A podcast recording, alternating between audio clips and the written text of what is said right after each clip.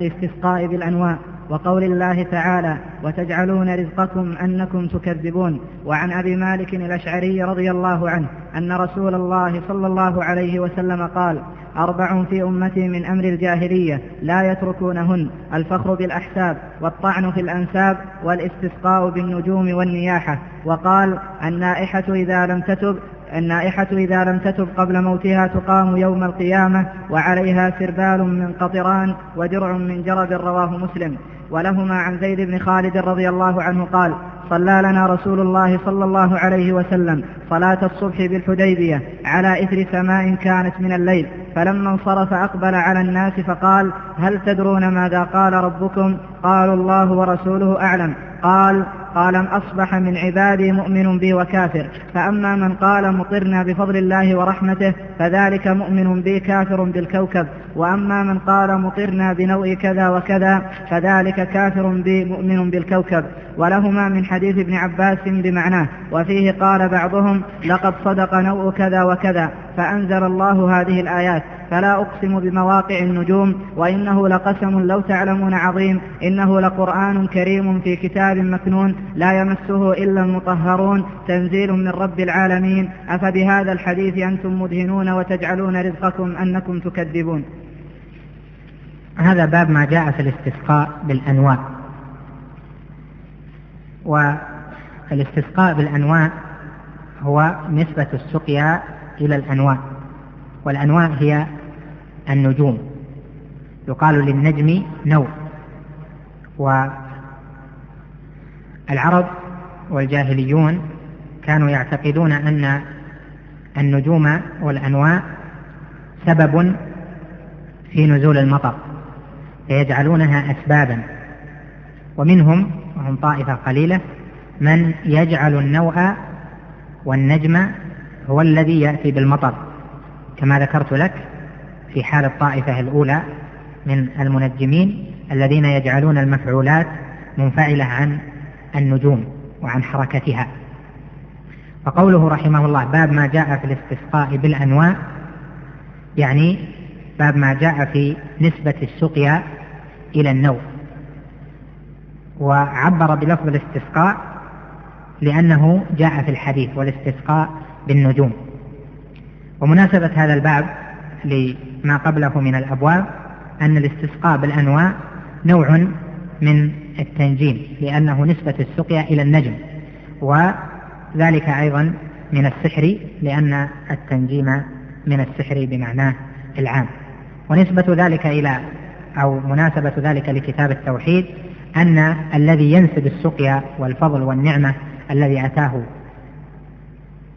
حينما جاءه المطر ينسب ذلك إلى النوء وإلى النجم هذا ملتفت قلبه عن الله جل وعلا إلى غيره ومتعلق قلبه بغيره وناسب النعم إلى غير الله جل وعلا ومعتقد أن النجوم أسباب لهذه المسببات من نزول المطر ونحوه. وهذا مناف لكمال التوحيد فإن كمال التوحيد الواجب يوجب على العبد أن ينسب النعم جميعا إلى الله وحده وألا ينسب شيء منها إلى غير الله ولو كان ذلك الغير سببا فينسب النعمة إلى مسديها ولو كان من أجرى الله على يديه تلك النعم سببا من الأسباب فإنه لا ينسبها إلى غير الله جل وعلا. كيف وأن النجوم ليست بسبب أصلا ففي ذلك نوعان من التعدي.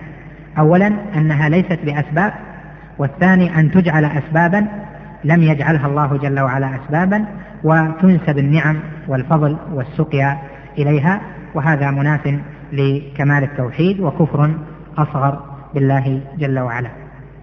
قال وقول الله تعالى وتجعلون رزقكم أنكم تكذبون قال علماء التفسير معنى هذه الآية وتجعلون شكر رزقكم شكر ما رزقكم الله من النعم ومن المطر أنكم تكذبون بأن النعمة من عند الله بنسبتها لغير الله جل وعلا تارة بنسبتها إلى الأنواع أو بنسبتها إلى غير الله جل وعلا. والواجب شكرا لنعم الله جل وعلا وشكرا لله جل وعلا على ما رزق وأنعم وتفضل أن أن تنسب النعم جميعا إلى الله وأن ينسب الفضل إلى الرب وحده دون ما سواه.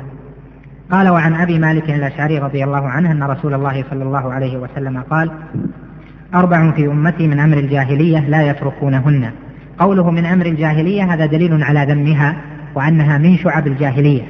ومن المعلوم أن شعب الجاهلية جميعا مطلوب من هذه الأمة أن تبتعد عنها لأن خصال أهل الجاهلية مذمومة كما جاء في صحيح البخاري من حديث ابن عباس أن النبي عليه الصلاة والسلام قال أبغض الرجال إلى الله ثلاثة ملحد في الحرم ومطلب دم امرئ بغير حق ليهريق دمه ومبتغ في الإسلام سنة الجاهلية. فكل شعبة من شعب أهل الجاهلية إذا أرجعت إلى أهل الإسلام بعد أن أنقذهم الله من ذلك ببعثة النبي عليه الصلاة والسلام وظهور القرآن والسنة وبيان الأحكام فإنه مبتغ في الإسلام سنة الجاهلية وهو من أبغض الرجال إلى الله جل وعلا. إذا قوله من أمر الجاهلية هذا دليل الذم وليس الإخبار بأنها باقية دليل الإباحة. قال لا يتركونهن الفخر بالأحساب يعني على وجه التكبر والرفعة والطعن في الأنساب بطعن في نسب فلان وفلان والتكذيب بنسب فلان وفلان من غير دليل شرعي ومن غير حاجة شرعية. فإن القاعدة التي ذكرها الإمام مالك وغيره من أهل العلم أن الناس مؤتمنون على أنسابهم. فإذا كان لا يترتب على ذكر النسب وأن فلانا ينتسب إلى آل فلان أو إلى القبيلة الفلانية إذا لم يترتب عليه أثر شرعي من إعطاء حق لغير أهله أو بميراث أو بعقد نسبة أو بزواج ونحو ذلك فإن الناس مؤتمنون على أنسابهم. أما إذا كان له أثر فلا بد من الإثبات سيما إذا كان مخالفا لما هو شائع متواتر عند الناس. فالطعن في الأنساب من أمور الجاهلية. قال والاستسقاء بالنجوم وهو نسبة السقيا إلى النجوم. ويشمل أيضا قوله الاستسقاء بالنجوم رحمك الله. يشمل ما هو أعظم من ذلك وهو أن تطلب السقيا من النجم كحال الذين يعتقدون أن الحوادث الأرضية تحصل بالنجوم نفسها وأن النجوم هي التي تحدث المقدرات الأرضية والمنفعلات الأرضية قال والنياحة ثم قال النائحة إذا لم تتب قبل موتها تقام يوم القيامة وعليها سربال من من قطران ودرع من جرب رواه مسلم. النياحة من الكبائر وهي رفع الصوت عند المصيبة وشق الجيب ونحو ذلك وهي منافية للصبر الواجب ومن خصال الجاهلية. قال ولهما عن زيد بن خالد رضي الله عنه قال صلى لنا رسول الله صلى الله عليه وسلم صلاة الصبح بالحديبية. على إثر سماء كانت من الليل فلما انصرف أقبل على الناس فقال هل تدرون ماذا, ماذا قال ربكم؟ قالوا الله ورسوله أعلم. قال قال أصبح من عبادي مؤمن بي وكافر. فأما من قال مطرنا بفضل الله ورحمته فذلك مؤمن بي كافر بالكوكب. وأما من قال مطرنا بنوع كذا وكذا فذلك كافر بي مؤمن بالكوكب. قوله على إثر سماء كانت من الليل على إثر سماء يعني مطر. المطر يطلق عليه سماء لأنه يأتي من جهة العلو ويقال له سماء كما قال الشاعر إذا نزل السماء بأرض قوم رعيناه وإن كانوا غضابا. يعني إذا نزل المطر. قال فلما انصرف يعني من صلاة الصبح أقبل على الناس. فقال هل تدرون ماذا قال ربكم؟ قالوا الله ورسوله أعلم. هذه من الكلمات التي تقال في حياته عليه الصلاة والسلام. وبعد وفاته عليه الصلاة والسلام فإذا سئل المرء عما لا يعلم فليقل لا أدري أو فليقل الله أعلم. ولا يقل الله ورسوله أعلم لأن ذكر علم النبي عليه الصلاة والسلام مقيد بحياته الشريفة عليه الصلاة والسلام. قال قال أصبح من عبادي مؤمن بي وكافر. هنا قسم العباد إلى قسمين. مؤمن بالله جل وعلا وهو الذي نسب هذه النعمة وأضافها إلى الله جل وعلا وشكر الله عليها وعرف أنها من عند الله فشكر ذلك الرزق وحمد الله وأثنى عليه به. والصنف الثاني وكافر ولفظ كافر اسم فاعل الكفر أو اسم من قام به الكفر. وهذا قد يصدق على الكفر الأصغر أو الكفر الأكبر. فهم انقسموا إلى مؤمنين وإلى كافرين.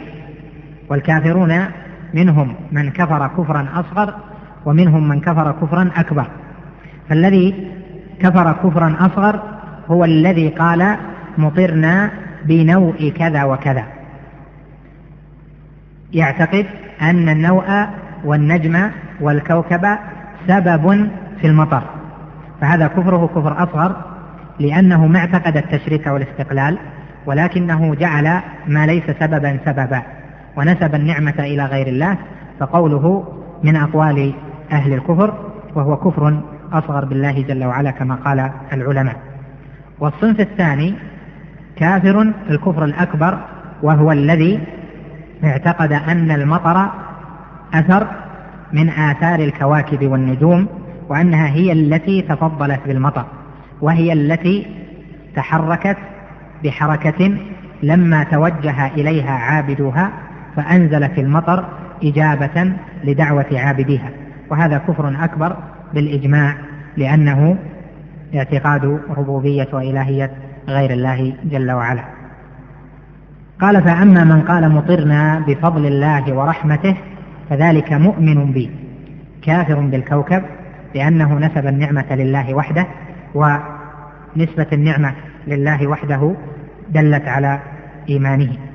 قال وأما من قال مطرنا بنوع كذا وكذا فذلك كافر بي مؤمن بالكوكب وكما ذكرت لك الباء في قوله مطرنا بنوع كذا إن كانت للسببية لأن الباء تأتي للسبب مطرنا بسبب نوع كذا وكذا فهذا كفر أصغر. وأما إذا كان المراد أن النوء هو الذي أتى بالمطر إجابة لدعوة عابديه أو لرحمته بالناس فهذا كفر أكبر بالله جل جلاله. قال ولهما من حديث ابن عباس معناه وفيه قال بعضهم لقد صدق نوع كذا وكذا فأنزل الله هذه الآية فلا أقسم بمواقع النجوم إلى قوله وتجعلون رزقكم أنكم تكذبون وهذا ظاهر. نعم. باب قول الله تعالى ومن الناس من يتخذ من دون الله أندادا يحبونهم كحب الله هنا تنبيه في هذه المسألة وهو ما يحصل أحيانا من بعض الناس من أنهم يقولون في الوسم مثلا يأتي مطر والوسم جاء معناه أنه يأتي مطر ونجم السهيل طلع فسيحصل كذا ونحو ذلك. فهذا القول بما علمت له حالان. الحالة الأولى أن يقول ذلك لأجل أن النجم أو البرج الذي أتى هو زمن جعل الله سنته فيه أنه يأتي فيه المطر. فإذا كان هذا القول بأن الوسم جاء معناه هذا وقت المطر وإن شاء الله بيجي مطر ونحو ذلك فهذا جعل للوسم زمنا وهذا جائز. وأما إذا قال في ذلك الوسم جاء بيأتي المطر أو طلع النجم الفلاني بيأتينا كذا وكذا بجعل هذا الفصل أو ذلك البرج أو ذلك النجم سببا فهذا كفر ونسبة للنعمة لغير الله واعتقاد تأثير أشياء لا تأثير لها. فينبغي أن يفرق بين ما يستعمله العوام فيما فيه أن المطر والبرد والصيف ونحو ذلك في تعلقه بالنجوم تعلق زمن ووقت وظرف وما بين نسبة أهل الشرك والضلال الأفعال للنجوم إما استقلالا وإما على وجه التسبب.